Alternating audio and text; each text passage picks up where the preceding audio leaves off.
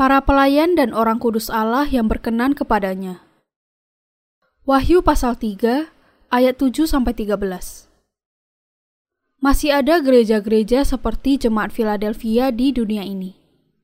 Allah mengatakan bahwa di antara ketujuh jemaat di Asia, jemaat yang paling dipuji dan dikasihi oleh Tuhan adalah jemaat Philadelphia. Di zaman sekarang ini juga, kita bisa melihat bahwa Allah yang berbicara kepada ketujuh jemaat di Asia menghendaki agar jemaatnya sama seperti jemaat Philadelphia berkarya melalui mereka dan berkenan karena mereka. Bahkan di zaman ini, jemaat-jemaat yang dipuji Allah memberitakan Injil air dan roh.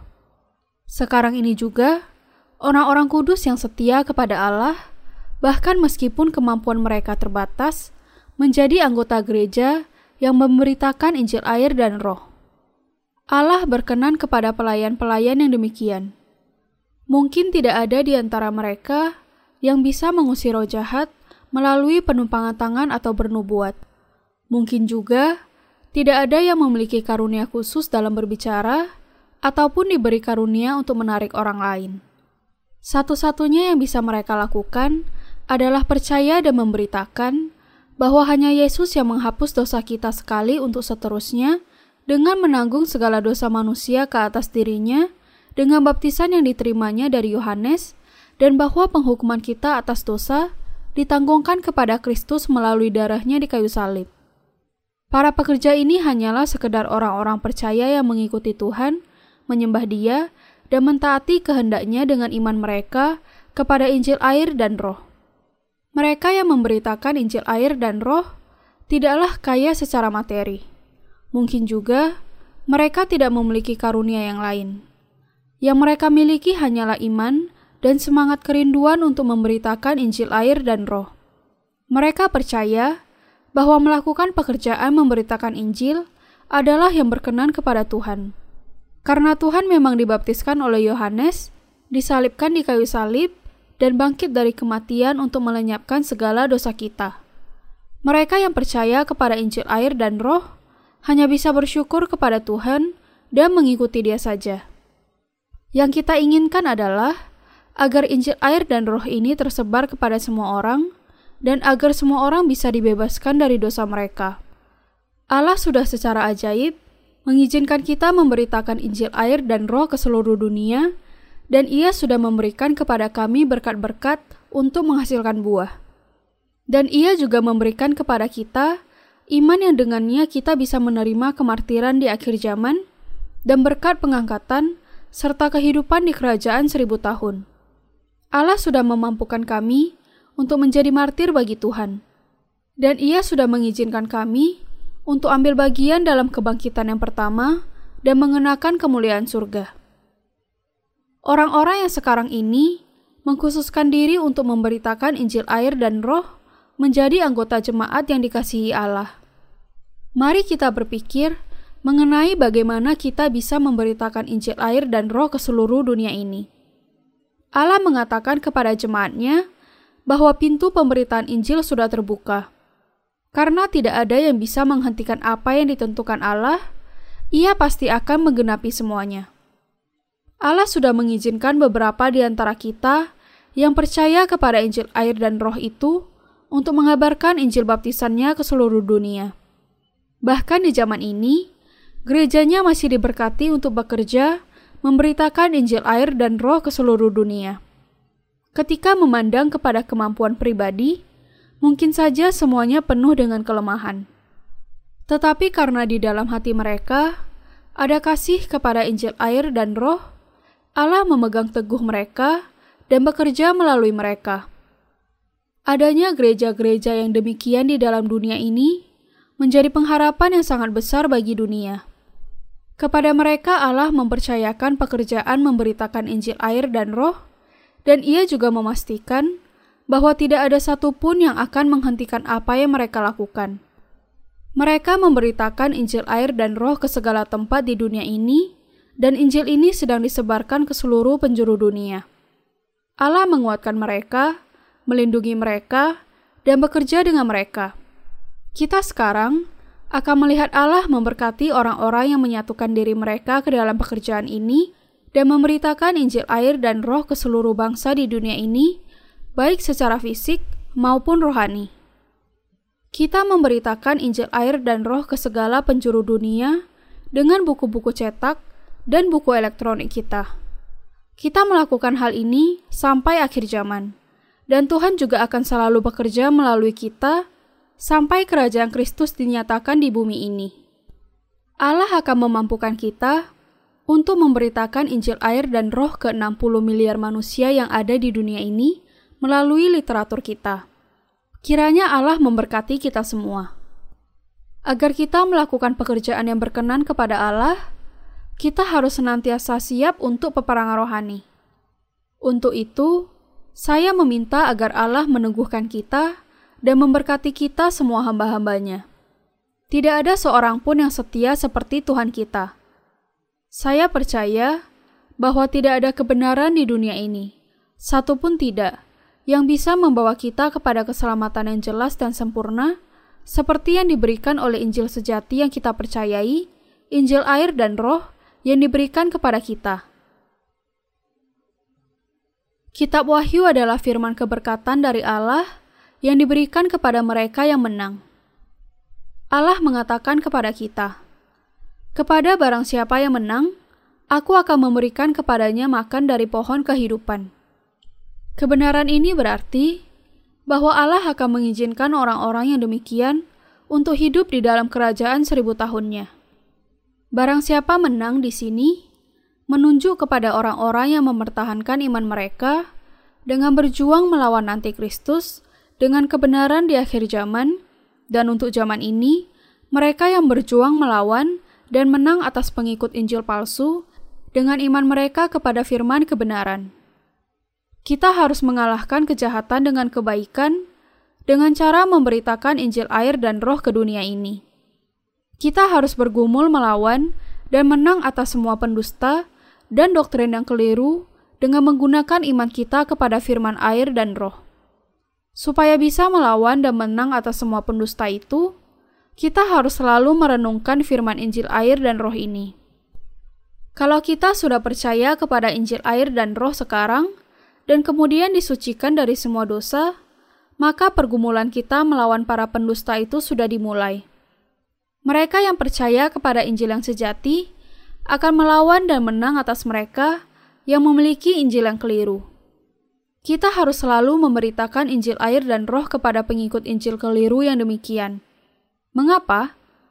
Karena kuasa Injil air dan roh bisa menghancurkan iman keliru mereka dan memberikan kepada mereka kehidupan yang baru. Alkitab mengatakan, supaya kita mengalahkan kejahatan dengan kebaikan. Karena itu, kita tidak pernah boleh kalah dalam perjuangan rohani yang baik yang menyelamatkan jiwa-jiwa dari dosa-dosa mereka. Dalam perjuangan rohani kita, bisa kita temukan berkat-berkat keselamatan jiwa-jiwa.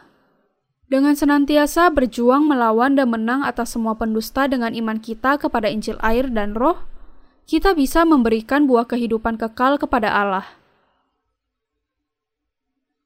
Tuhan memerintahkan supaya kita belajar dari perumpamaan tentang pohon ara. Pohon ara melambangkan bangsa Israel. Masing-masing bangsa memiliki bunga, atau pohon nasionalnya sendiri-sendiri. Dan bagi bangsa Israel, lambang mereka adalah pohon ara. Anda harus menyadari bahwa ketika bangsa Israel tumbuh dan berdaun lebat, maka akhir zaman sudah dekat. Alkitab mengatakan bahwa Tuhan akan datang kembali ketika bangsa Israel dibangun kembali di bumi ini dan menjadi kuat. Di hari-hari ini, surat kabar dipenuhi dengan kisah-kisah yang menuliskan tentang konflik antara Israel dengan Palestina. Israel saat ini memiliki daerah sejarahnya dan memiliki kekuatan yang besar. Masa depan Israel sekarang ini tergantung sepenuhnya kepada Allah. Apakah bangsa Israel jatuh atau bangkit di masa yang akan datang akan digenapi seperti firman Allah. Dan ketika bangsa Israel lenyap dari muka bumi ini, maka Anda harus menyadari bahwa saat itu adalah kedatangan Tuhan kedua kali ke dunia ini. Seperti yang dikatakan Alkitab, bahwa Tuhan akan datang kembali ketika pohon ara berdaun lebat. Ia menubuatkan mengenai akhir zaman ini adalah melalui kebangkitan kembali dan kemakmuran Israel. Juga, ia menubuatkan mengenai masa-masa akhir zaman ketika semua malapetaka dan bencana alam akan menimpa dunia ini. Allah mengatakan kepada kita semua supaya memiliki dan memelihara iman kepada Injil air dan roh. Semua tujuan Allah berfokus kepada iman kepada Injil air dan roh. Karena itu, mereka yang percaya kepada Injil air dan roh diselamatkan dari dosa mereka. Tuhan mengatakan, Berjaga-jagalah, senantiasa sambil berdoa, supaya kamu beroleh kekuatan untuk luput dari semua yang akan terjadi itu, dan supaya kamu tahan berdiri di hadapan anak manusia. Lukas pasal 21 ayat 36 Dengan kekuatan kita sendiri, kita tidak akan bisa luput dari kesengsaraan yang akan datang. Tetapi dengan percaya kepada firman Allah, kita bisa menang atas hal itu. Kita sekarang bisa melihat diri kita ada dalam keadaan di mana kita harus mempersiapkan iman kita untuk kemartiran karena masa kesengsaraan itu sudah semakin mendekat. Kalau orang-orang Kristen berpikir bahwa mereka tidak akan mengalami masa kesengsaraan besar ketika akhir zaman tiba, iman mereka salah besar. Kita jangan percaya kepada doktrin pengangkatan pretribulasi. Doktrin ini menyimpang dari Alkitab karena kitab suci, khususnya kitab Wahyu, mengatakan bahwa kemartiran orang-orang kudus akan terjadi pada masa setelah tiga setengah tahun pertama dari tujuh tahun masa kesengsaraan besar terjadi. Bagi orang-orang kudus, membayangkan bahwa mereka tidak akan masuk ke dalam masa tujuh tahun kesengsaraan itu akan membawa mereka kepada iman yang salah paham dan berbahaya. Anda harus menyadari bahwa mereka yang percaya kepada Yesus juga akan masuk ke pertengahan masa kesengsaraan besar itu. Kalau kita perhatikan seluruh firman Allah, sampai berapa lama orang-orang benar akan tetap ada di dunia ini? Mereka akan tetap ada di dunia ini sampai iblis menuntut agar orang-orang berdosa memakai tanda khusus darinya, dan saat itu orang-orang kudus akan dijadikan martir oleh pasukan antikristus. Inilah kebenaran yang dinyatakan oleh Allah dan iman yang benar. Peperangan rohani besar yang akan terjadi di akhir zaman. Akibat dari iman orang-orang benar dengan jelas ditunjukkan pada masa kesengsaraan besar yang diizinkan terjadi oleh Allah. Anda harus menyadari bahwa tanpa iman kepada Injil air dan Roh, Anda tidak akan mendapatkan kemenangan yang sejati atas iblis di akhir zaman. Tetapi pada saat yang sama, Anda juga harus menyadari dengan baik bahwa kemenangan akhir yang akan diterima oleh orang-orang benar karena dengan iman mereka kepada Injil air dan Roh, mereka akan menjadi pemenang yang sejati, bahkan pada saat akhir zaman semakin mendekat. Dengan demikian, kita harus melengkapi karya pekabaran Injil air dan Roh ke seluruh penjuru dunia sebelum kedatangan akhir zaman terjadi. Kita harus memperkenankan hati Allah dengan percaya kepada Injil air dan Roh. Kita memiliki Injil air dan Roh, firman iman yang bisa memberikan kepada kita kemenangan akhir.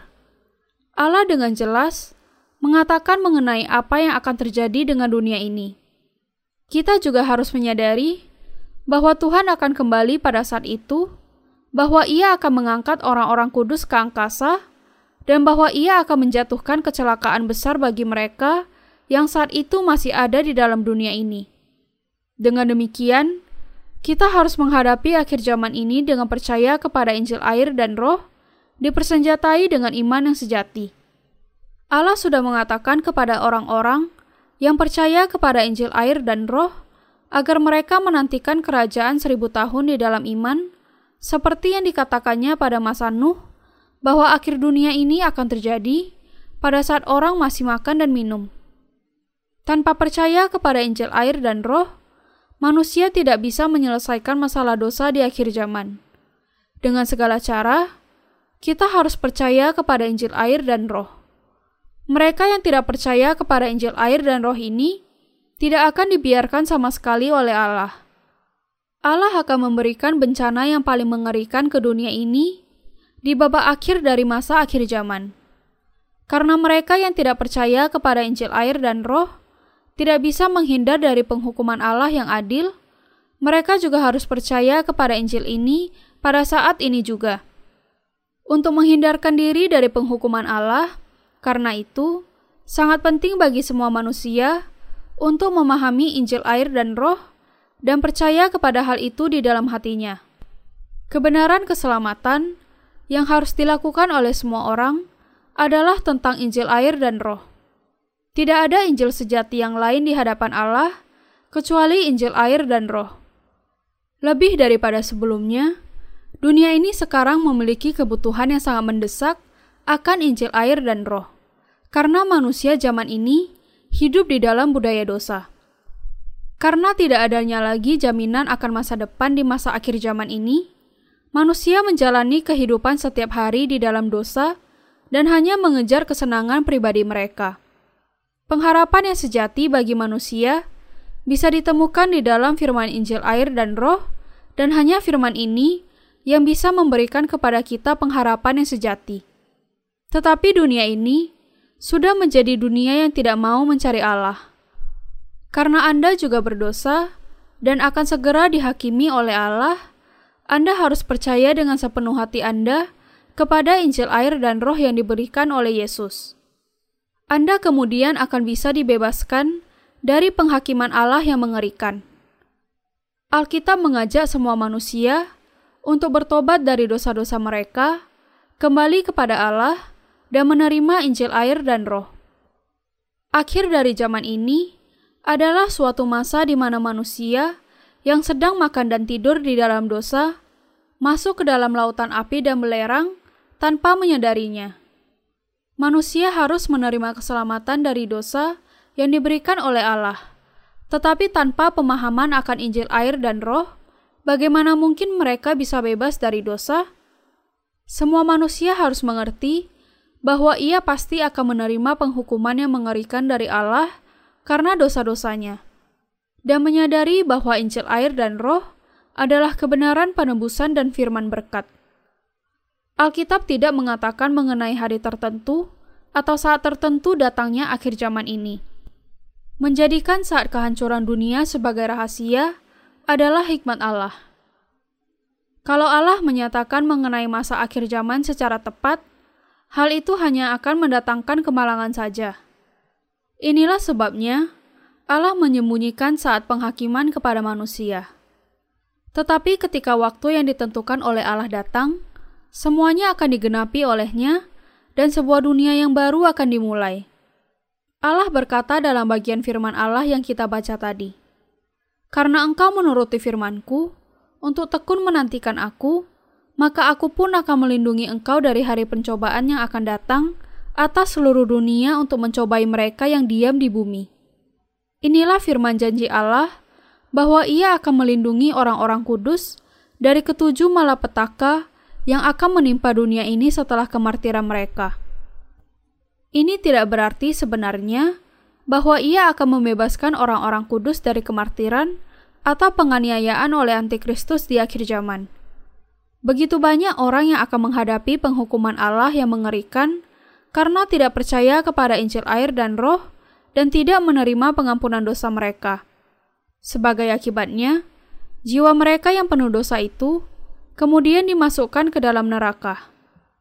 Tetapi Allah mengizinkan kemartiran bagi orang-orang kudus terlebih dahulu, karena kemartiran inilah yang justru akan membebaskan mereka dari malapetaka yang mengerikan itu. Tanda yang bagaimana yang akan diterima manusia pada masa akhir zaman? Alkitab mengatakan kepada kita bahwa manusia akan menerima tanda yang tertuliskan nama Antikristus. Tetapi firman Wahyu juga mengatakan kepada kita bahwa semua yang menerima tanda Antikristus di dahi atau di tangan kanannya akan dilemparkan ke dalam lautan api dan belerang. Dengan menerima tanda yang tertuliskan nama Antikristus, mereka akhirnya akan menjadi hamba iblis untuk selamanya. Lautan api dan belerang disediakan bagi mereka yang memiliki dosa. Masa anugerah, ketika manusia bisa diselamatkan dari dosa melalui iman, saat itu sudah berlalu. Alkitab mencatat bahwa tidak terhitung banyaknya martir akan muncul pada akhir zaman. Karena nama para martir ini tercatat dalam kitab kehidupan, mereka akan secara otomatis menolak tanda yang bertuliskan nama antikristus. Allah mengatakan bahwa semua yang percaya kepada Injil air dan roh akan menjadi martir pada saat ini. Mereka akan menjadi martir karena penolakan mereka menerima tanda dari iblis. Mereka yang menjadi orang benar tidak boleh takut akan kemartiran di akhir zaman, tetapi justru mereka harus bersyukur untuk kerajaan seribu tahun yang senantiasa menunggu sesudah kemartiran mereka. Karena menerima tanda yang bertuliskan nama antikristus adalah tindakan kejahatan pengkhianatan kepada Tuhan kita, kita harus menolaknya.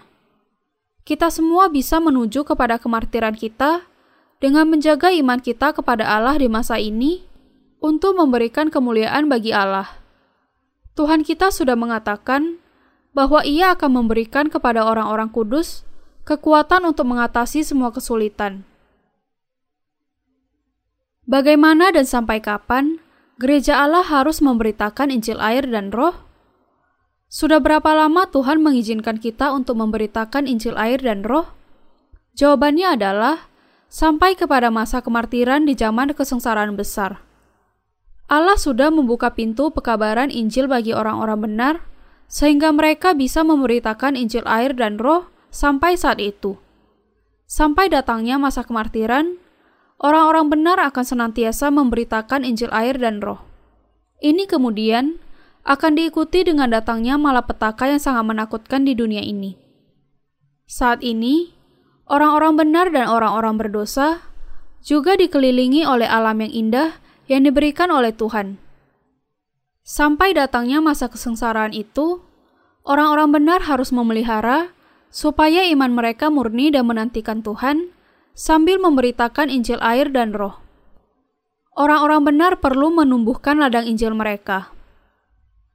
Di zaman akhir ketika tanda dari binatang itu dipasahkan kepada kita, kita harus melawan dan menang atas orang-orang dunia dengan iman kita kepada Injil air dan roh yang diberikan oleh Tuhan kita. Ketika kita dijadikan martir oleh antikristus pada masa akhir zaman, iman kita akan berkemenangan. Seluruh kehidupan orang benar bergantung kepada Tuhan.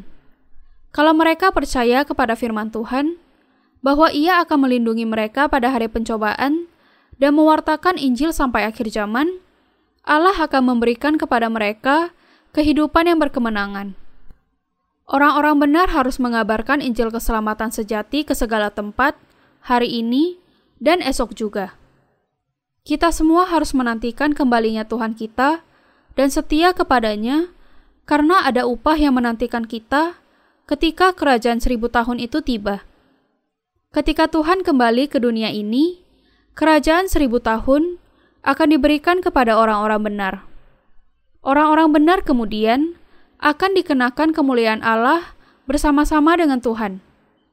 Tetapi untuk sekarang, kita harus senantiasa memberitakan Injil air dan roh di dunia ini sampai saat terakhir ketika kita tidak lagi bisa melakukannya.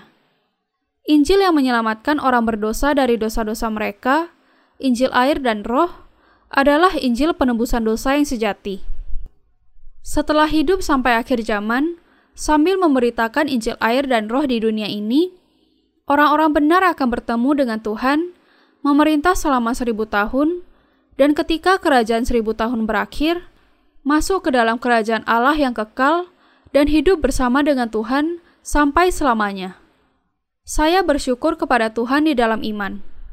Kita harus semakin mengucap syukur kepada Tuhan yang memberikan kepada kita pengharapan ini.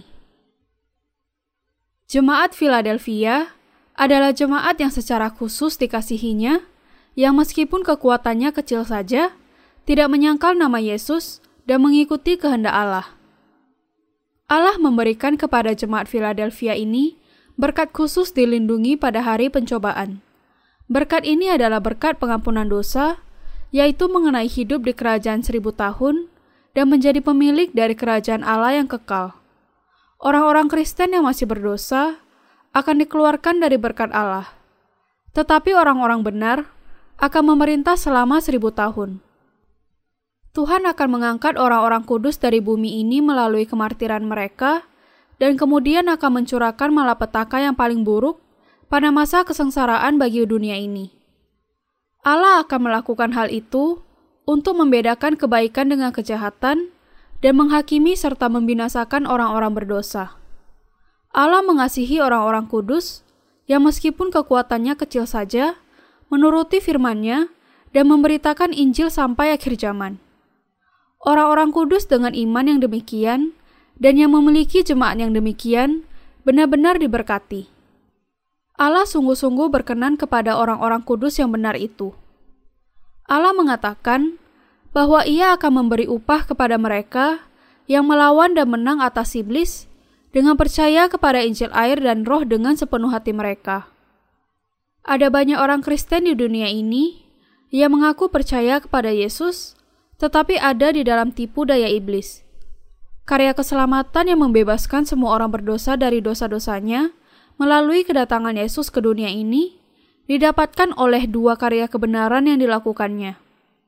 Iman kepada karya-karya keselamatan itu berarti percaya bahwa ia menanggung segala dosa dunia ke atas dirinya melalui baptisannya di Sungai Yordan dan bahwa ia menggenapi karya keselamatan ini dengan membawa semua dosa dunia ini ke kayu salib dan menanggung penghukuman bagi dosa-dosa itu dengan darahnya sendiri. Inilah Injil keselamatan, Injil pengampunan dosa yang sudah menyelamatkan orang-orang berdosa.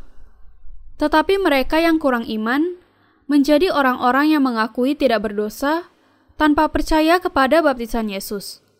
Iman yang demikian itu keliru. Beberapa orang sebaliknya mengatakan bahwa tidak ada orang lain yang mengasihi Yesus seperti kasih mereka kepadanya, tetapi pada saat yang sama mengatakan bahwa diri mereka berdosa. Tetapi Tuhan kita tidak akan pernah mengizinkan siapa saja selain daripada mereka percaya kepada Injil air dan Roh masuk ke dalam surga. Ia tidak menuliskan nama orang-orang berdosa di dalam kitab kehidupan.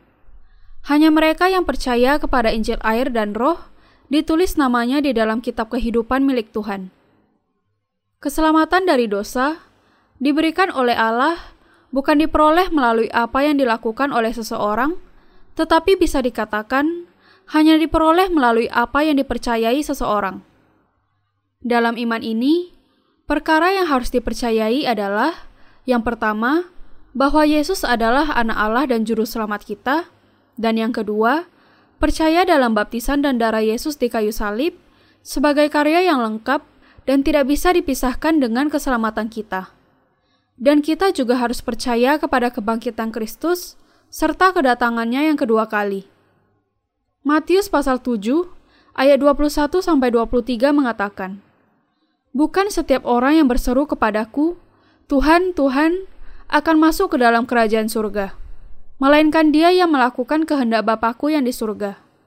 Pada hari terakhir, banyak orang akan berseru kepadaku, Tuhan, Tuhan, bukankah kami bernubuat demi namamu, dan mengusir setan demi namamu, dan mengadakan banyak mujizat demi namamu juga? Pada waktu itulah aku akan berterus terang kepada mereka dan berkata, Aku tidak pernah mengenal kamu. Enyahlah daripadaku, kamu sekalian pembuat kejahatan, Mengapa Yesus menolak orang-orang itu? Karena mereka yang memiliki dosa tidak bisa ditulis di dalam kitab kehidupan milik Tuhan.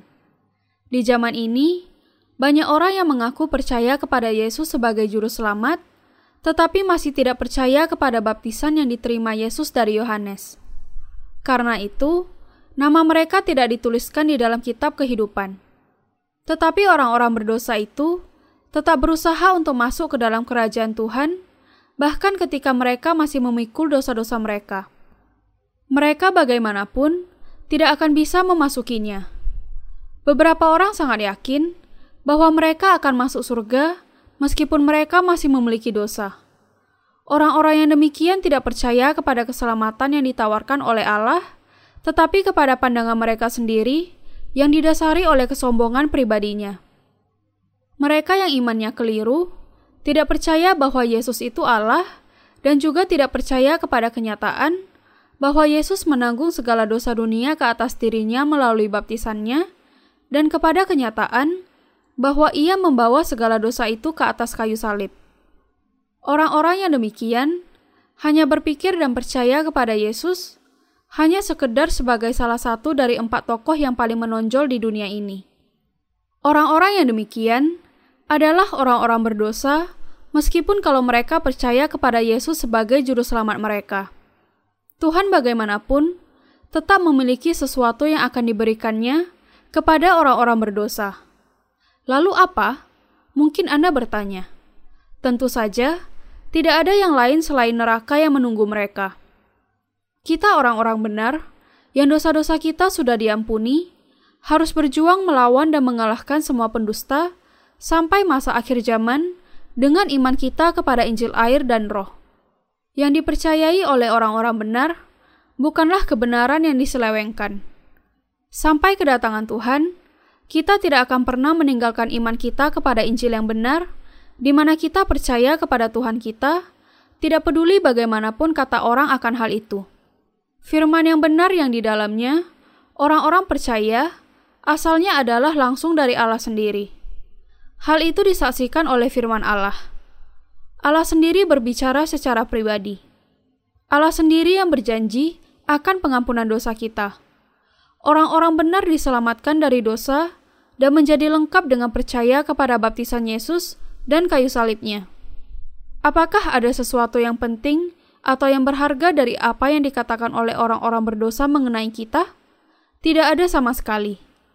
Orang-orang benar harus tetap memelihara iman mereka kepada Injil air dan Roh dengan percaya kepada firman Allah. Sekarang adalah zaman di mana terjadi banyak bencana alam, dan tidak terlalu lama lagi perang nuklir juga akan terjadi di bumi ini. Dan bencana alam itu akan semakin lama semakin membawa dampak yang semakin luas dan semakin parah. Para hamba Allah harus melihat dengan jelas apa yang akan terjadi di dunia ini dan kemudian memberitakannya. Anda harus menyadari bahwa akhir zaman bisa saja terjadi secara sangat tiba-tiba. Ketika perang nuklir terjadi di dunia ini, bencana alam akan membawa tingkat kerusakan yang tidak terbayangkan, dan tanda dari binatang itu akan dipaksakan kepada kita. Itulah saat bagi kemartiran dan kebangkitan kita, dan saat dibangunnya kerajaan seribu tahun, itulah waktunya Kristus datang kembali ke dunia ini. Segala sesuatu terjadi dan disempurnakan oleh Tuhan. Tidak peduli apa pun yang dikatakan orang, kita harus percaya kepada firman Allah sampai akhir zaman dan memelihara iman ini. Dalam mengikuti Tuhan, apa pun kesulitan yang harus dialami, kita harus senantiasa memelihara dan menyebarkan iman kita kepada Injil air dan roh. Mari kita menjalani kehidupan kita sementara berharap akan hari Tuhan. Mari kita persiapkan orang-orang berdosa untuk menerima pengampunan dosa melalui Injil air dan roh. Saya percaya bahwa Tuhan kita sudah mempersiapkan segala berkat surga yang disediakan bagi orang-orang benar dan yang sedang menantikan kita. Kita harus siap untuk hari itu sebelum kebangkitan orang mati dan diubahkannya orang-orang kudus sungguh-sungguh terjadi. Berhentilah mengeluh mengenai betapa kosongnya kehidupan Anda dan mulailah untuk percaya kepada Injil air dan roh. Ketika Anda sudah mengenal Injil kebenaran, bagaimana mungkin Anda kemudian memilih untuk masuk kembali ke neraka dengan menolak percaya kepada hal itu? Daripada jatuh kembali kepada keputusasaan atas kekosongan hidup, kita justru harus mempersiapkan diri untuk kerajaan seribu tahun dengan dibebaskan dari dosa kita melalui iman di dalam Injil air dan roh. Setelah menjalani kehidupan kita dengan iman yang demikian, sama seperti jemaat Philadelphia, dipuji oleh Allah, kita pasti akan bertemu dengan Tuhan di angkasa. Haleluya!